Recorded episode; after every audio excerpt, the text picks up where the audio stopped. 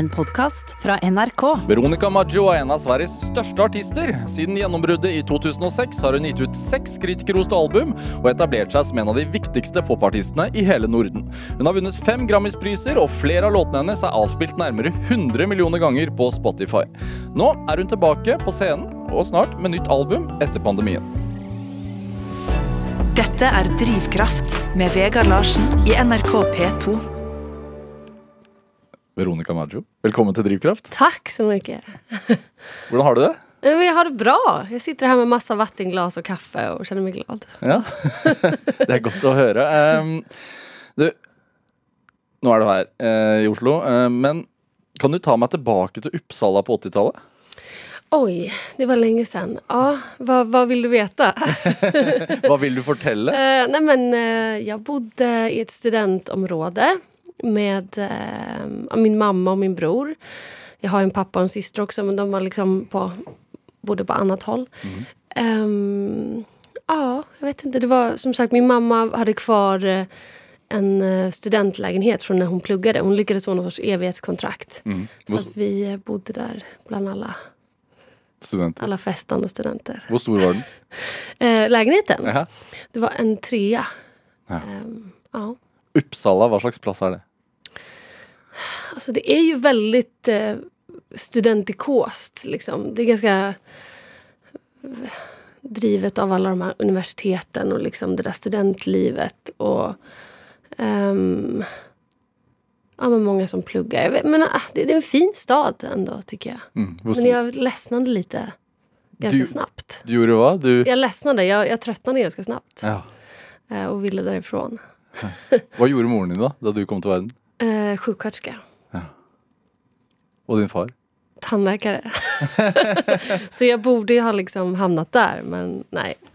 Ehm, Mm. Men, nej, har, det var jag inte så intresserad av. nei. Men du, dere bodde ikke i et Altså, moren og faren din hadde gått fra hverandre? Ja, absolut. kom till världen. De var verkligen som katt och hund, kan man säga. Jag kan liksom inte riktigt se hur det gick till när de inte ogillade varandra. Nei. Men ja. Hvem var eh, Sandra Karin Veronica Balemo? Eh, Ja, du har koll på mitt gamla efternamn. Ah, vem var jag egentligen? Jag var typisk lilla syster. Eh, en riktig drömmare som bara liksom, eh, ja, levde i min egna lilla värld och var väldigt snackig och eh, hittade på massa grejer. Jag hade ständigt liksom någonting för mig. Alltså ja, men gjorde en tidning eller eh, gjorde ett radioprogram eller samlade saker och byggde saker och släpade grejer ur olika containrar och byggde. Ja, men liksom jag var väldigt så här, väldigt på eller av. Ja. När jag var vaken då var det alltid något som hände. Hva slags avis lagde du? Vad sa du? Vilken Ti- avis? Ja, tidning. Eh, nej men det var liksom, det var lite av allt. Det var nöje, det var sport, det var nyheter, det var allting. Når, sk- når skrev du det? Eh, Precis när jag lärde mig skriva. Eh, jag kanske var fem, sex, alltså när jag började ja. Ja. rita och skriva tidning. Ja. Hvor kom den inspirasjonen fra, tror du? Jag vet inte, det är svårt att... Nej, jag, vet, jag ja, hade väl hört... Mm, sett mamma läsa tidningen, vad vet jag. Ja. Jag ville bara liksom göra saker. Var hun musikalsk? Eh, alltså hon lyssnade på jättemycket musik. Ehm, och sen har hon ju spelat fiol vet jag. Det har jag och för sig aldrig hört henne göra men hon påstår att hon kan det. Eh, eh, och min pappa lyssnade också väldigt mycket på musik. Mm. Ehm, men ingen sådär som jobbade med det eller som... Ja. Altså, når du vokser opp, eh, når foreldrene har gått fra seg før du Altså, du har aldri opplevd at de har bodd sammen? Nej, nej. Hvordan forholder man seg til det? Er det en Alltså på 80-talet så, eller det är väl olika för alla såklart. Men jag, ehm, min känsla är att föräldrarna då inte riktigt visste hur eh, deras uppbrott påverkar, eller påverkade barnen. Alltså att de tillät sig själva att vara ganska arga på varandra och att det var mycket så här Ja, det ska jag berätta för dig hur din pappa... Alltså du vet den här... eh, så att man fick ta mycket av deras konflikt liksom. Ehm, så att... eh, Ja, nej men det påverkade nog mig ganska starkt. Jag har aldrig gillat när folk är osams. Jag vill att alla ska vara glada. Liksom. eh, så det har säkert påverkat mig i mitt... Ja, men att man hellre underhåller lite för att det ska vara glad stämning än, att, än att folk är arga på varandra. Ja, fordi som barn så tar man den rollen for, Ja, for å precis. skape god, god følelse. Precis. Ja. Ehm, så på det sättet har det nog färgat mig. Men sen, ja, jag vet inte. Jag har nog inte deppat så mycket. Alltså det, som sagt, de, de skildes ju innan jag ens var medveten om det. Så att det har ju inte liksom varit sorgligt att de inte var ett par. Så, utan, Men Faren din er italiener. exakt, ja. Føler du deg som noe italiensk på noe vis? Absolut. Ja. Ja. alltså, jag har ju varit jättemycket i Italien. Mm. Ehm, och ja, men nu har jag precis... Det är lite deppigt. Jag önskar att jag hade... Jag började försöka lära min son, som nu är 11, italienska. Men sen så var jag liksom lite för... Det var så mycket som pågick just då. Eh, så det blev aldrig riktigt av. Men nu har jag eh, börjat lära eh, vår dotter italienska och då har han åkt med på tåget. Så då har, nu känner jag mig väldigt italiensk. Ja. Når lærte du det? Og så har du lært det fra jag har alltid liten? kunnat det. Alltså, Ja. Jag pratade båda. Um, sen jag ja, föddes. Ja. Så jag känner mig nog ändå ganska italiensk. ja. Si? Tills jag åker dit, för då känner jag mig väldigt svensk. Ja, hva vil, men hva vil det si å føle seg italiensk i Sverige? Ehm, nej, men... Ja, jag vet inte. Alltså, det är ju inte liksom... De kulturerna är inte... Det är inte som att det är mil ifrån. Det är fortfarande Europa och... Eh, vi är väl ganska vana vid varandra allihopa, alla europeer. Men, eh, men det finns ju ändå en annan... Vad ska man säga? Ett annat sätt att vara med varandra och ett annat... Ja, det är lite klyschigt, men mycket av det där klyschiga är ju sant. Ja, hva er det klisjéfulle? Ja, men det där varma, liksom, snackiga. Eh, ganska traditionella också. Ehm, lite mer också stereotypa könsroller och liksom andra krav på män och kvinnor. Och, ehm, ja, men ett annat förhållande till kultur och mat. Och, ja, jag vet inte. Mm. En annan sorts självförtroende också kanske. Høyere? Ja, jag tror det. Ja. Ja. Men svenskar har ju lite mer den här jantelags... Eh, att det är lite så här, nej, men inte ska väl jag. Eh, den, ja. som jag ju såklart har ärvt också. Fra din mor? Ja, men från bara Sverige och svenskarna. Eh, Hva sa din far til deg, da? jo, men jag tror att han trivdes väldigt bra i Sverige för att han inte var så himla italiensk. Alltså på ett sätt. Alltså att han inte riktigt identifierade sig med det där så här... ehm, ja, men bullriga, liksom. Och han var inte en sån eh, machoman liksom, på det sättet. Så jag tror han trivdes ganska bra. Och så var han lite av en ensamvarg också. Ja. Så att, ja, Hvor i, hvor i Italia er familien fra? Venedig. Ja. Ja.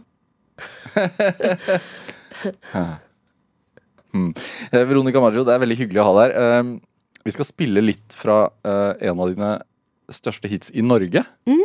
Ja. Eh, Måndagsbarn. Ja, Och- den gillar norrmännen. Ja, varför är det så? Ja, nej, men det är du som är norrman som får berätta det för mig. Nei, men du, du, det du sa da du kom inn her, fordi du kan jo se hvilke låter jeg har plukket ut. Ja, Eh, ja. Og da sa du ja, Måndagsbarn, den liker dere i Norge. ja. Hvorfor? Men Jag vet alltid när vi kommer någonstans så frågar folk så här, men kommer ni spela den här? Och det, vi gör liksom aldrig det nu för tiden. Och då, då ser man att så här, ah, ja, det, det tycker norrmännen är lite tråkigt. ja. Eh, och det är också roligt för att jag kommer ihåg att ehm, ja, men när, när eh, vi skrev den, jag och Oscar, som ju då var ett par också. ehm, Og dere var et par? Ja, jag och Oskar Lindros. Ja. Ja. vi var ett par när den skrevs. Ehm, så kommer jag ihåg att innan den var släppt så, så följde jag med honom på hans spelningar i Norge. Eh, och testspelade den lite grann så här, för publik på olika ställen. Eh, och då var alla så peppade så då kände jag att så här, ja, men det här kanske kan bli något. Ja. Skal, Ja, vi, skal vi høre litt? vi kör.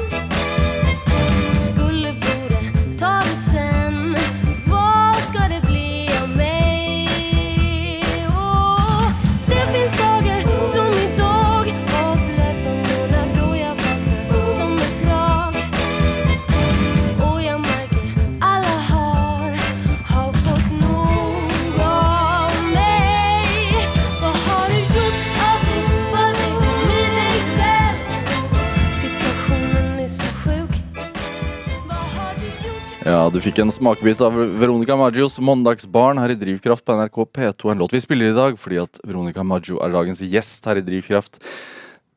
Det selvbiografiske, altså det å skrive om eget liv, og det har vært helt naturlig for deg fra starten av? Ja, det har det väl. Alltså, eh, på första skivan, den här med Dumpa mig och Nöjd och så, så skrev jag ju inte texterna själv.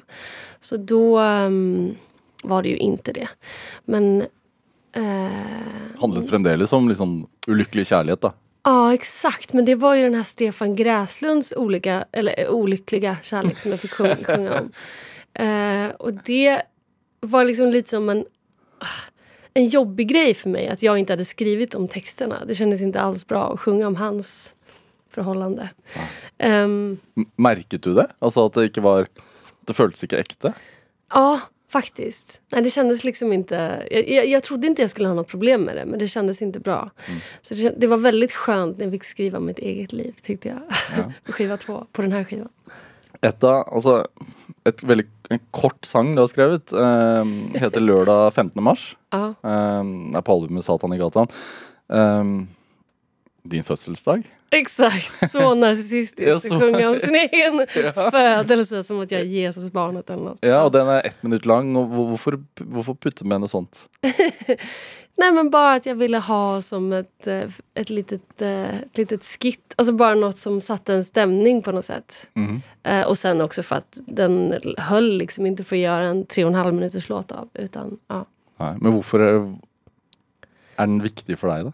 Eh, ja, men jag tyckte den sa någonting om, så här, om den där natten. Alltså, sånt där som jag hört, apropå det vi pratade om innan med skilsmässa och vad föräldrar säger om varandra.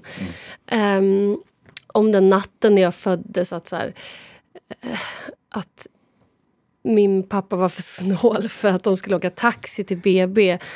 Eh, så då liksom, och det var jättekallt. Det var liksom, ehm, eh, så de fick liksom gå in i varje i varje port som var öppen på vägen till BB och värma sig. Det låter som att det är så här 1800-tal eller någonting och att de var eh, superfattiga. Men ehm, ja, jag bara tyckte det var en så fin bild på något sätt.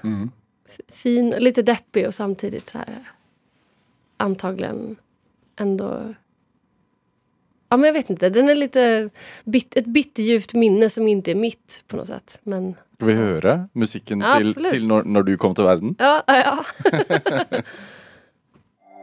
Mamma ville ta en taxi men pappa var för snål så de fick värma sig i varenda trapp. 1981, det var fredag men det skulle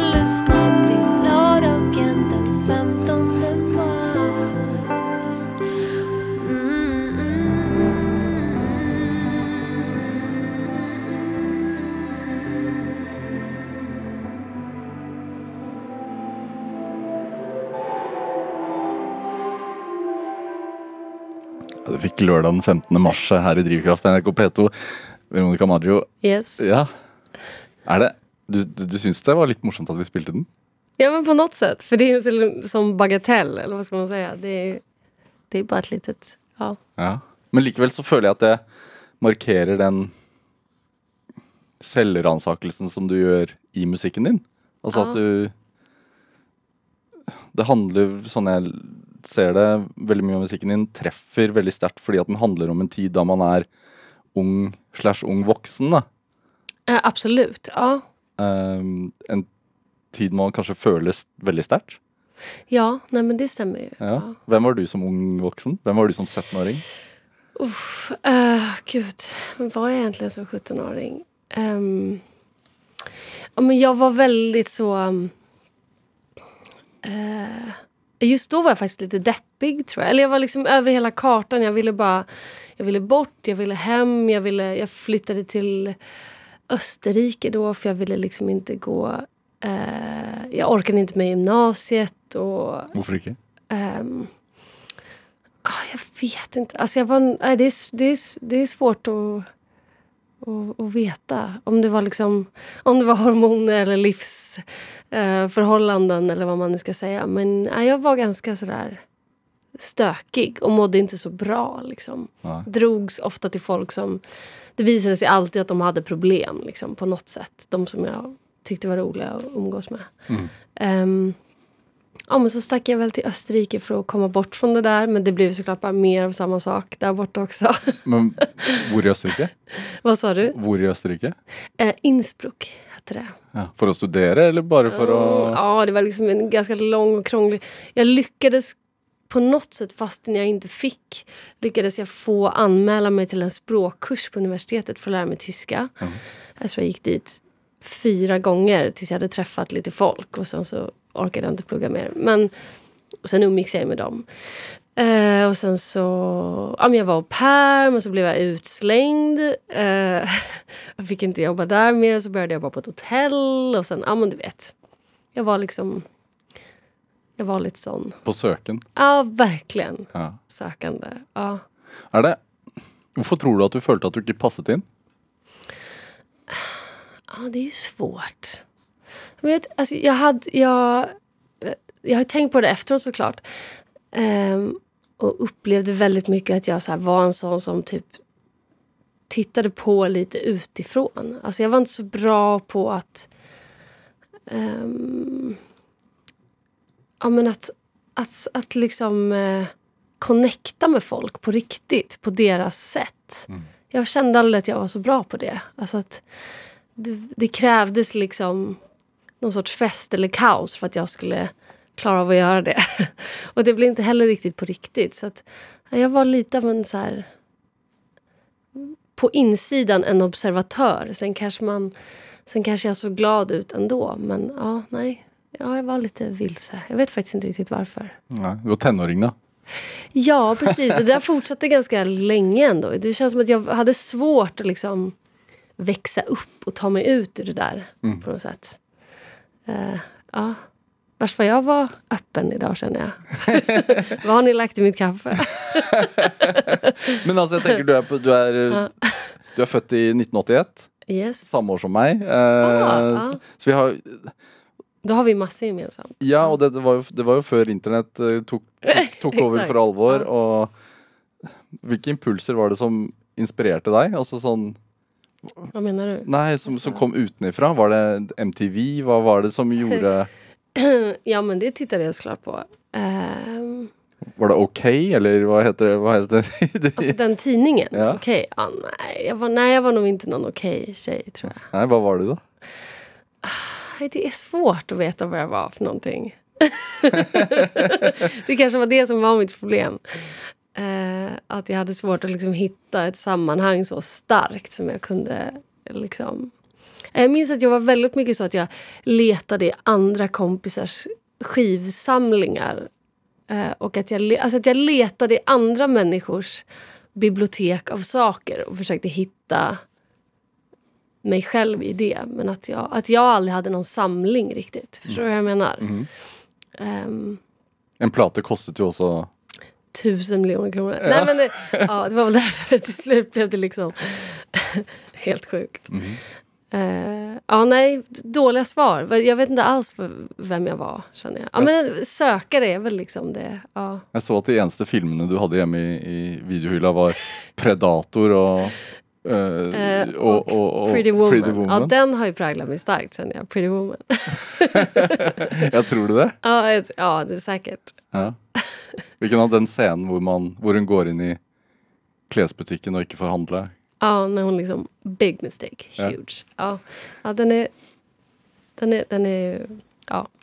Kanske inte en, en, en verklig bild av hur den... Men, men det var en annen tid. Bransjen tenker funker. sånn, Hvis man er ung i dag og vil bli artist, så er veien kanskje lenger på et vis, men samtidig så føles den mye kortere fordi at man har Ja. masse talentprogram på TV, man har muligheten til å legge ut det man lager på YouTube, man kan legge det på Soundcloud, man kan gjøre ja. Men på 80-tallet og 90-tallet så Den veien ha føltes lang. Fra Uppsala til Ja. Jo, precis. Det var ju mycket mer av en hemlig klubb då. Alltså, när vi var små. Alltså att det var som att man bara, okej, skivbolagen, de är där borta. Liksom. Hur kommer man dit? Det fanns ingen... Det, var, det var verkligen så här, ta sig in på Fort Knox på något sätt. Um, fast nu är det så många skyltfönster så då försvinner man ju i det myllret på något sätt. Då var det lite så här... Om man var med i en kanal så hade halva Sverige sett den, typ. Mm. Ja. Nej, men jag, jag minns att jag... Eh, ehm, det var verkligen så i, en, i en brytpunkt, alltså när jag hörde av mig till alla skivbolagen. För skivbolagsdöden pågick ju då. När var det? Eh, ja, men det var väl så här 2005, alltså när liksom MySpace och allt det där fanns. och folk började liksom eh, göra musik själva och inte behövde skivbolagen på samma sätt. Och ja, Alla laddade musik gratis och du vet, allt det där. Eh, jo, men jag hade ändå av mig till skivbolag. Jag kommer ihåg att jag eh, hittade någon lista på liksom alla Sveriges skivbolag och skickade demos till alla dem. Och vissa kom tillbaks för att de skivbolagen inte fanns längre. Eh, så jag gick ju ändå absolut den vägen och hade ett så här klassiskt artistavtal som är liksom... Det innebär typ att du får ingenting och vi får allt. ha det bra, hej. Och jag kommer ihåg att min... Eh, jag gick till någon jurist eh, som sa att så här, men skriv inte på det här avtalet. Det här är fruktansvärt. Det här kan du verkligen inte gå med på. Men jag kände bara att... Ja, vad har jag att förlora liksom? Så att jag, jag skrev ändå på. Den första skivan? Exakt. Ja. Ja. Men det var ändå rätt beslut känner jag, så här i efterhand. Vi ska spela lite från en låt till som heter 17 år. Ja. Som handlar om dig som 17-åring. Ja. Gör, ni gör det? ja, men det är den. Ja. Och den glada versionen av mig.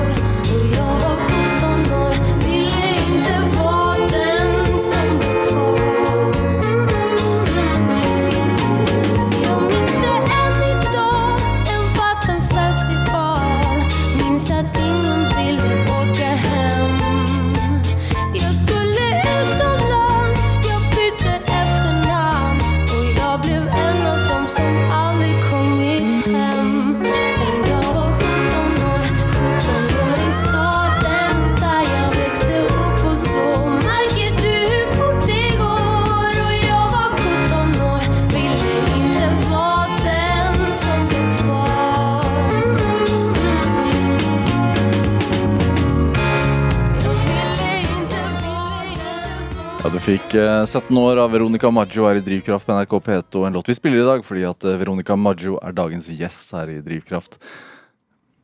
säger jag var 17 år och ville inte vara den som blev igen i byn. Exakt, ja. Nej, man vill inte vara sist kvar. Nej. Eller vad ska man säga? Varför bytte du efternamn? Vad sa du, varför? Bytte du efternamn? Ja, men jag hade lite komplicerat förhållande till min pappa i en viss ålder. Och då kände jag att så här, nej, jag ska heta samma sak som min bror och min mamma. Så då gjorde jag det. Är det, har det blivit fixat? Eh, al- alltså våran relation. Ja. Jo, men det hann vi nog ändå... Vi hann nog ändå laga den. Eh, ganska bra faktiskt. Ja. Ja. Är du glad för det? Ja, absolut. Alltså, man ska ju inte gå runt och bära på konflikter. Det, ja, nej. Det känns... Det har man inte tid med. Det med sang, är det... Varför har du alltid haft ett behov för att sjunga? Alltså framför allt så har jag... Eller, det, det vet det har liksom, Jag har alltid bara sjungit. Alltså det är sån... eh, Det har bara kommit av sig självt. Jag har alltid sökt mig till det. Jag, jag, eh, jag tror jag var åtta eller nio när det kom någon till eh, vår skola och berättade att man kunde söka till musikklass. Och då sökte jag själv. Alltså, jag minns att jag tog den här blanketten och liksom gick hem till mamma och bara det här vill jag gå. Ehm, och jag har alltid, så fort, så fort det fanns ett sammanhang där man fick sjunga så har jag alltid varit där. För att det kändes så bra och att jag bara... Jag bara, jag bara älskade det. Det är, det är svårt att, att beskriva. Men sen har jag också alltid haft liksom... Ja, men något sorts behov av att få... Eh, eller... Om det uppstår en idé i mitt huvud så måste jag liksom få få se den bli verklighet. Eh, så att, så att ah, de två grejerna, plus att jag alltid har älskat att berätta historier. Så allt det här har liksom på något sätt lett mig till att skriva och göra musik. Ehm, ja, så det är nog därför jag hamnat där jag har. Hur kan en idé uppstå då? Eh, ja, men lite när som helst. Alltså, det kan ju vara allt ifrån att jag vill ehm, hitta på någonting. Alltså, nu för tiden har jag ju så många olika... Som när man ska göra ett, ett album så, så älskar jag att hitta på den här visuella världen. Alltså um, artwork-världen. Och, och, så här, sy upp grejer och hitta på olika... Ja, men, ja, jag bara älskar allt det där med att man kan, man kan få någonting att bli... Att bara uppstå från en idé till att så här, nu är det färdigt. Mm. Eh, Jag läste att du alltså på ett album har haft en farge i huvudet, på ett annat album har haft liksom regn i huvudet. Alltså. Exakt. Ja. Ehm. ja, och sen så bara den här grejen med att men först finns det ingenting och sen plötsligt finns det en låt som säger precis, precis det som jag har svårt att säga när jag pratar med någon bara. Alltså att... ehm, och den kan liksom aldrig... Ingen kan ta den ifrån mig. den kommer alltid finnas där. Eh, det tycker jag är så... Jag vet inte, jag får sån tillfredsställelse av det. Att man kan få saker att uppstå. Liksom. Är det Husker du gode minner fra å fremføre musikk tidlig? Vad sa du, om jag har bra minnen från... Ja, altså Likte du det å stå i sentrum? Eh, jo, men det gjorde jag. Alltså, när jag var liten hade jag liksom ingen skam i kroppen. Då var, hade jag, jag var, hade ingen scenskräck. Det var liksom, jag kunde sjunga när som helst för vem som helst. Och tyckte det var helt fantastiskt. Eh, men sen blev jag ju lite mer självmedveten och blyg. Men eh, ja, i början var jag väldigt så. Ja. Här är jag, se på mig. Men, men har du sceneskrekk? Ja, jag får panik alltså innan. Jag har verkligen så här... Jag känner att jag vill bara boka av spelningen. Hvordan kan du få- altså beskrive den følelsen? Er det, altså, er det en faktisk angst, eller er det Ja, jag får liksom hjärtklappning och... Eh, att, ja, precis. Det, det, men det är ju för att det finns ehm, förväntningar och det finns liksom redan ett manus. Eller förstår vad jag menar? Inte ett manus, manus. Men folk vill ha någonting särskilt så måste jag liksom leva upp till det. Alltså det har ingenting med... Det finns inte den där kreativa processen när man bara leker och någonting blir av. den är borta. Man ska bara liksom göra rätt på något sätt. Eh, och det kan jag förlora mig lite i istället för att vara där och då och liksom... ehm, ja, det kan ju uppstå sen när man väl har kommit ut på scenen och släppt det där lite grann. Då, då är man ju där och då. Men jag, ja, det kan ändå vara lite svårt. Vilken process i, i musik är det du liker bäst? Då? Eh, det är nog uppstarten liksom, av en låt. Alltså när, den, när, den precis, när jag precis har börjat få massa bra bilder i huvudet och så känner jag så här, "Ah, nu, nu är det någonting som är på väg att hända. Ja. Har du ett exempel? Eh, alltså på en låt menar Ja. du? Nej, men- har, hvor du har fått den følelsen? Nej men jag får alltid den, alltså om jag skriver en låt. Alltså som sen visar sig, eller som sen är bra. Liksom. eh, ja, det är bara den där första fasen, alltså med alla låtar så känns det så tycker jag. Sånn som for eksempel, altså Hvis man tenker eh, 'Jeg kommer', da. Ja. Som er eh, Ja, er jo nesten Altså det er din aller største hit. ja det är det absolut. Ja. Ja. Hvor kom den ideen fra? Ehm, ah, ko- alltså det, det var... Alltså det var ju eh, Christian Walls och en kille som heter Stefan som hade gjort det där gitarriffet. Eh, och först handlade den ju liksom om tid och allt möjligt. Och sen så blev det liksom... ehm, vi tyckte att det blev lite kul med det här med alltså dubbeltydigheten i jag kommer. Ehm. ja, nej men alltså det var inte... Det, det bara dök upp liksom. Eh, ja, just den texten är väl inte så djup på det sättet. Mest att det var... Jag hade väldigt kul när jag skrev den. Men... ehm, ja. Det at en hit blir en hit, hvorfor Har du noen tanker om hvorfor det treffer? Ehm, ja, det jag gillar är ju att man inte riktigt kan liksom skapa en hit. Alltså att det, alltså, eller det kan man ju, folk gör ju det hela tiden. Eh, om man Max, verkligen... Max Martin. Ja, så. men exakt. Det är klart att man kan det. Men, ehm, men jag gillar ändå att det finns en, ett visst mått av så här... Att det är lite gåtfullt. Men att det ändå är så att det verkar råda liksom total konsensus. När, när låten väl kommer ut i världen så tycker ju väldigt många samma sak. Alltså antingen älskar ju jättemånga den eller så gör de inte det. Och hur kan de allihopa veta det fast inte vi i studion vet om den kommer bli älskad eller inte. Det, är liksom, det tycker jag är roligt Ja, att tänka du, på. du elsker vel alle spor like mye, antageligvis? Nej, inte riktigt. Men, men jag kan ju inte veta om det ska bli en hit eller inte. Men ändå så vet liksom kollektivet det. Ja. Är inte det skumt? Det tycker jag är konstigt. Hvordan er det når det kollektivet synger mot deg? Det är ju helt... Det är ju knark. Alltså, det kan man ju inte... Knark, ja. Ja, eh, det är faktiskt helt sjukt. Det tänker jag ibland så här när jag, när jag blir liksom 70. Kommer jag, hur ska jag få den fix? Eller 70, det kan ju vara bara två år bort, vad vet jag. Men alltså... mm, Eh, om man kommer deppa över att man inte får den fixen. Alltså var man kommer få den fixen ifrån.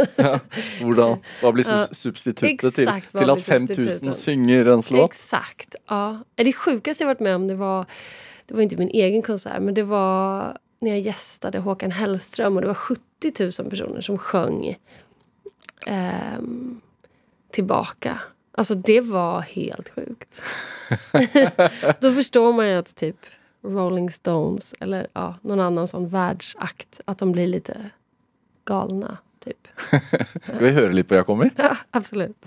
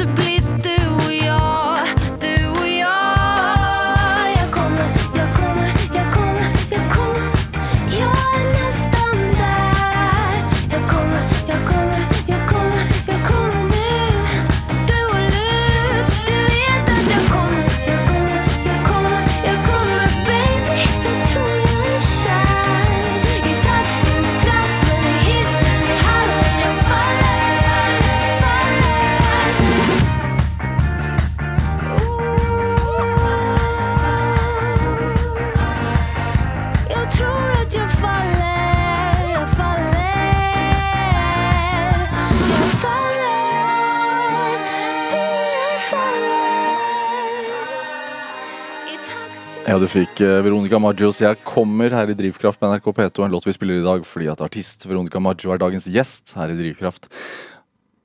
Altså, eh, Hvis man ser på ditt CV, så, så ser det jo ut som en suksesshistorie. Altså, Du har gitt ut seks album, du har vunnet eh, fem Grammis-priser. Altså, du ble, vant Årets nykommer med debutplaten. Eh, så det har vært en solskinnshistorie. Men, men der har du Har du noen gang tvilt? Alltså sen hela det här liksom, eh, kaoset började så, så... Eller det är klart jag tvivlat på alla möjliga saker.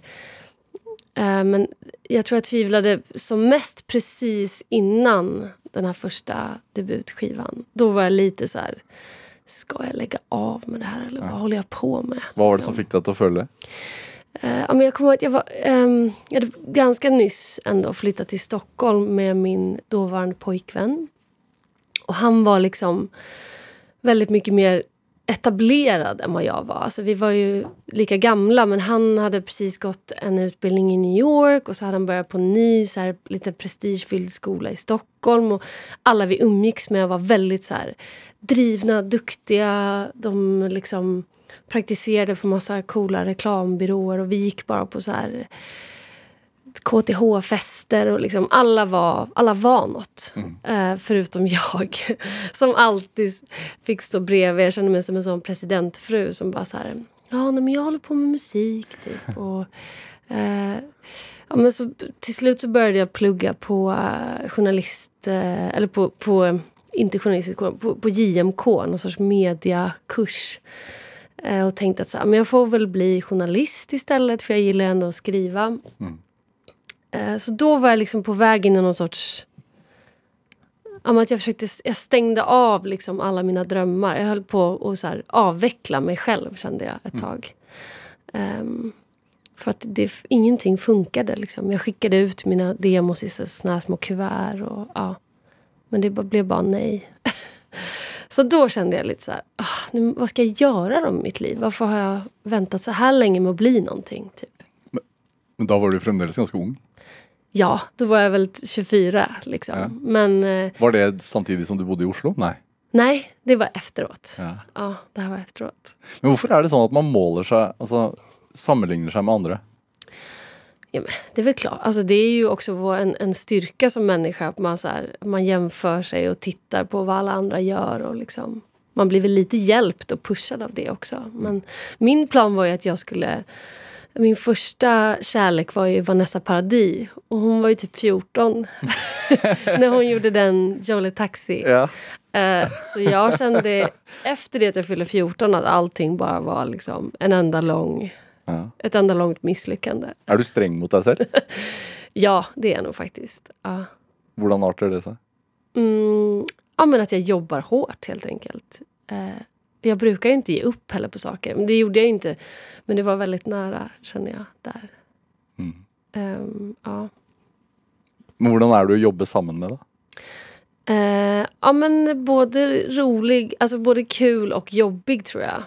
Eh, jag kan vara väldigt så att jag, när jag liksom riktar min uppmärksamhet mot ett projekt så får de människorna som jag jobbar med väldigt många mejl, sms och ehm, inspirationsbilder. Och ja, men du vet att det är så här, jag är väldigt på. Hele døgnet? Liksom. Ja, lite så. Eller inte hela dygnet. Det var, det, var jag mer förut. Nu, har jag liksom, nu sover jag ändå på natten. Ja, Hva kan det inneholde, da? Nej, men bara så här, så här tänker jag, så här vill jag att det ska vara, så här... Ja. Ehm, jag lägger mig i väldigt mycket. Når man hører på de tidlige demoene dine, så så er du sånn på leting, virker det som, sånn i forhold til hva slags sound som skal være Veronica Maggio. Eh, ja, jo men det är väl alltid på något sätt. Ja.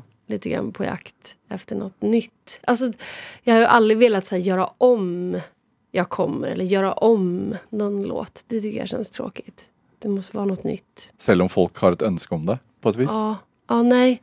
Det känns helt ointressant. Ja, hvorfor det? Ja, men det har jag ju redan gjort. Ja, nej, jag, jag, jag, gillar när saker är liksom i den där fasen när det är så här formbart och finns någonting för mig att göra. Och sen efter det så känner jag bara... att det blir tråkigt. Alltså, jag vet att det var några som ville att jag skulle göra den här Satan i gatan-skivan på engelska eller på tyska. Alltså så här, översätta. Det känns också bara, nej. På italiensk? Ja, exakt. Ja. Har du laget musikk på italiensk? Eh, nej, aldrig. Nej. Ehm, ja, nej.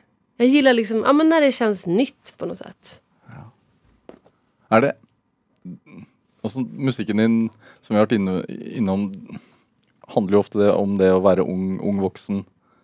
Ja, eller gör den det? Är, Gör den är det jag det? som har sagt det eller säger Ja, du i det? hvert fall Nei, du har sagt det. Jeg føler litt det på i hvert fall enkelte av låtene. Det handler Ja. jo mye om Jag tycker de handlar om känslor och att vara liksom människa på något sätt. Ja, Er det en følelse du ofte går tilbake til? Ja, jag tror det. Hvilken følelse? Nej, men för mig handlar det nog om så här... Det får jag ju ta och komma över snart känner jag. Men alltså det handlar ju mycket om så här... ehm, ja, men dubbla känslor och eh, att inte räcka till. Eller att, att, att det är svårt att liksom... Eh, ja, men att, vad ska man säga? Ja, men att vara missnöjd med sig själv. Eller, ja, men såna, det är ett tema. Sen är det också väldigt mycket kärlek och... eh, och allt är inte bara depp. Det finns ju massa... Det finns ju liksom humor i det också på något sätt. Mm. Ehm, ja, Hvorfor er det så mye enklere å skrive om ulykkelig kjærlighet enn lykkelig kjærlighet? men fy, vem vill höra på lycklig kärlek? Det blir bara... Det blir så här, då blir det liksom såna sånger som folk har på sitt dop, typ. hva, hva mener det? Hva På betyr det? eh, när, man, alltså när man blir döpt. Ja. Vad heter det? i- d- jo, dö- döpt, ja. ja. Ja. men du vet så här, det blir såna, så här, eller bröllopslåtar. Det vill man inte skriva, eller? Jag vill inte skriva det. Nei. Eh, nej, men det jag, jag tror jag gillar det när det är lite så här... När det är, finns någonting mer än bara liksom ren lycka. Mm. Er du strukturert? Sånn, du har, du har to barn, du har hus Ja. og hage du har mye å sysle med. Ja, jag vet. Jag känner ibland att det är lite mycket. Att hålla koll på allting. Men- Ehm, Men hvordan jobber du med, med skriveriet ditt? Og så har du et, har du et s- skrivebord, og så har du et rom i huset hvor du arbeider? Eh, nej, jag tycker det är svårt att jobba. Eller jag kan i och för sig jobba lite var som helst. Men just hemma, då vill jag vara hemma liksom. Ehm, nej men jag jobbar i olika studios. Alltså förut, alltså när jag var yngre kunde jag liksom skriva en låt på ett flygplan eller i en buss eller var som helst. Men På en buss, er det en låt Ja, også? exakt. Ja. Nej, men hell, nu sitter jag hellre i en studio. Och det var länge sedan jag var liksom sådär att jag låg och väntade på inspiration mitt i natten. Alltså nu är jag väldigt mycket 9 till 5. Mm. Det måste man nästan vara om man ska ha kids och jobba med det här. Forandrer tekstene seg også? Um, men jag försöker... Ja, men jag försöker liksom... Jag letar hela tiden efter ja, nya uttryck eller nya vinklar, nya ord och uttryck. Eh, men det är svårt. Man är ju bara liksom sig själv. Alltså... ehm, men jag tror att, men ja lite så tror jag texten förändras. Jag kan ha liksom en ambition ibland att så här, ja men på den här skivan ska det bli mer så här eller mer, ja. Du kommer med en ny skive i mai, hva? Hva har vært ambisjonen da? ehm, ja, jag vet inte om jag haft i och för sig någon särskild, något jag aktat mig för den här gången. Riktigt. Ehm, nej, svårt. Jag, jag vet inte exakt. Brukar, man brukar kunna se det lite tydligare efteråt. När man liksom har tagit ett steg tillbaka och kan se hela skivan när den är färdig. Liksom. Ja. Men, Ehm, ja. men hvordan har moodboardet sett ut? Siden du sender moodboard på e-post. Jaha, ja, men det var mer liksom hur du ska... Alltså, nu tänkte jag på just artworket och hela den här eh, liksom sci-fi-världen som jag har skapat med... med eh, vad heter det? Ja, men själva, art, själva artworket. Ja. Eh, där är det mycket moodboards. Eller hur saker och ting ska se ut live. Liksom. Men för musiken så finns det inga moodboards. Där är det bara ja, det som händer där och då i studion. Liksom. Ja, nå, ehm, altså Singelen din 'Høghusdrømmer' har jo blitt sluppet. Ehm, Ja. Hvordan står den ut i forhold til tidligere Majo-låter? Eh, ja, men där ville jag verkligen göra något som inte lät som det jag brukar göra. Hva gjør man da for å Ehm, komme dit? Ja, vad ska man säga? Jag tycker texten är liksom lite annorlunda och sen är den ju lite så här, det är en tillbakablick kan man säga. Det gillar ju inte jag egentligen. Men, eh, Hva- Hvordan da?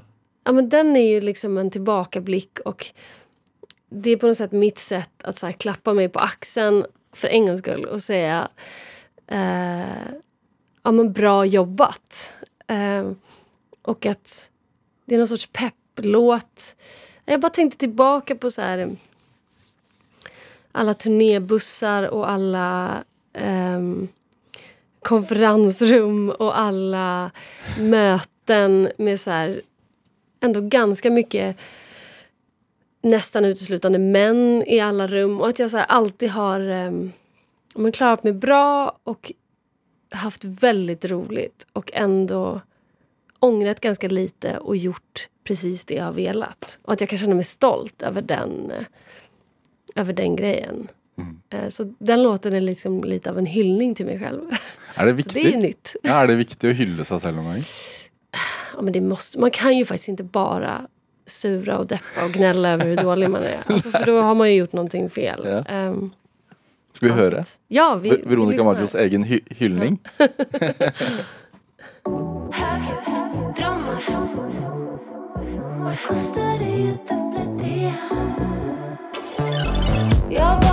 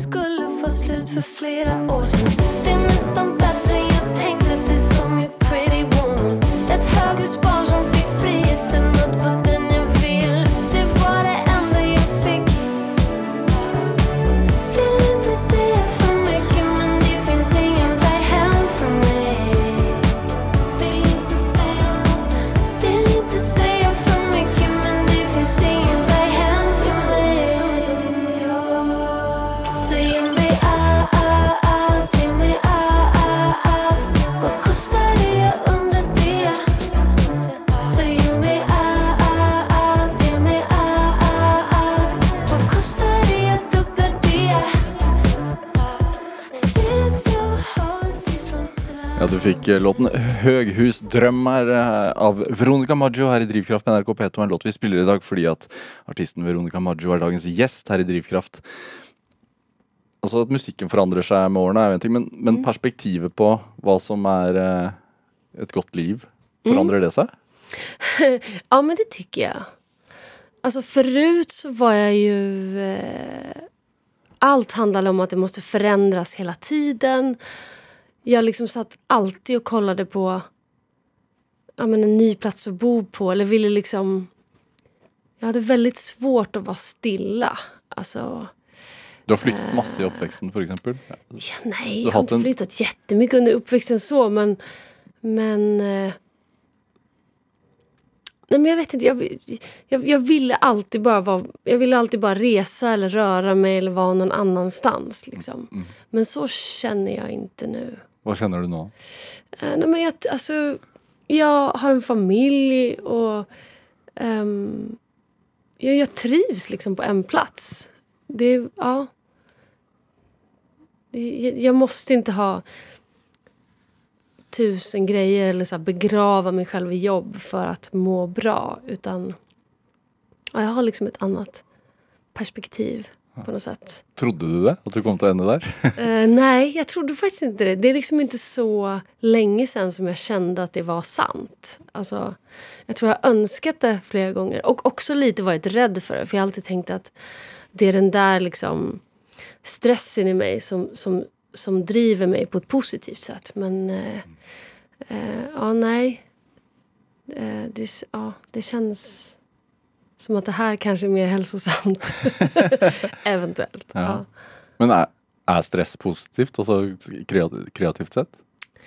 Eh, jo, men det kan det nog vara. Alltså, som till exempel att så här, när man träffar nya människor att jobba med så vill man alltid visa sig lite duktig och känner sig lite, så här, ja, men lite stressad av att de eh, undrar lite vad man går för. Och det har jag ofta använt mig av. Att så här, jobba med nya människor och visa upp mig själv igen. Alltså Förstår du vad jag menar? Att, ehm, att känna den pressen att prestera. Och det är ofta, jag har känt att det har gjort mig bättre. Liksom. Eh, och också när man är inne i såna intensiva faser så får man mycket idéer. Och liksom, ja. Liker utfordring. ja, det gillar jag. Vad, vad tänker du är drivkraften din? då? Alltså, det känns som att det, det, det är många...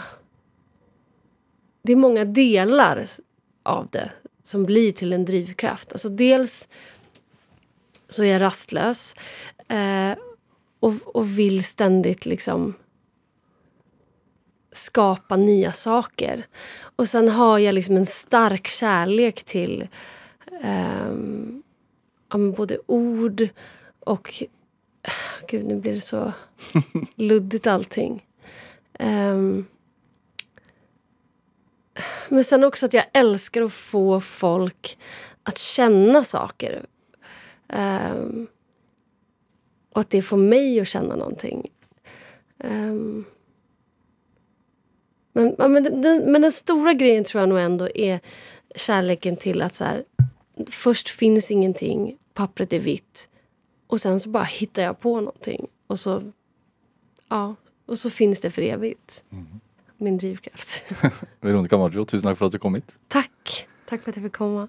Hør eh, flere samtaler i Drivkraft på nrk.no eller i appen NRK Radio. Produsent i dag var Ellen Foss Sørensen. Julia Martincic gjorde research, og Anne Sofie Stang bidro også til denne sendingen. Dette var Drivkraft. Jeg heter Vegard Larsen. Du har hørt en podkast fra NRK. Hør flere podkaster og din NRK-kanal i appen NRK Radio.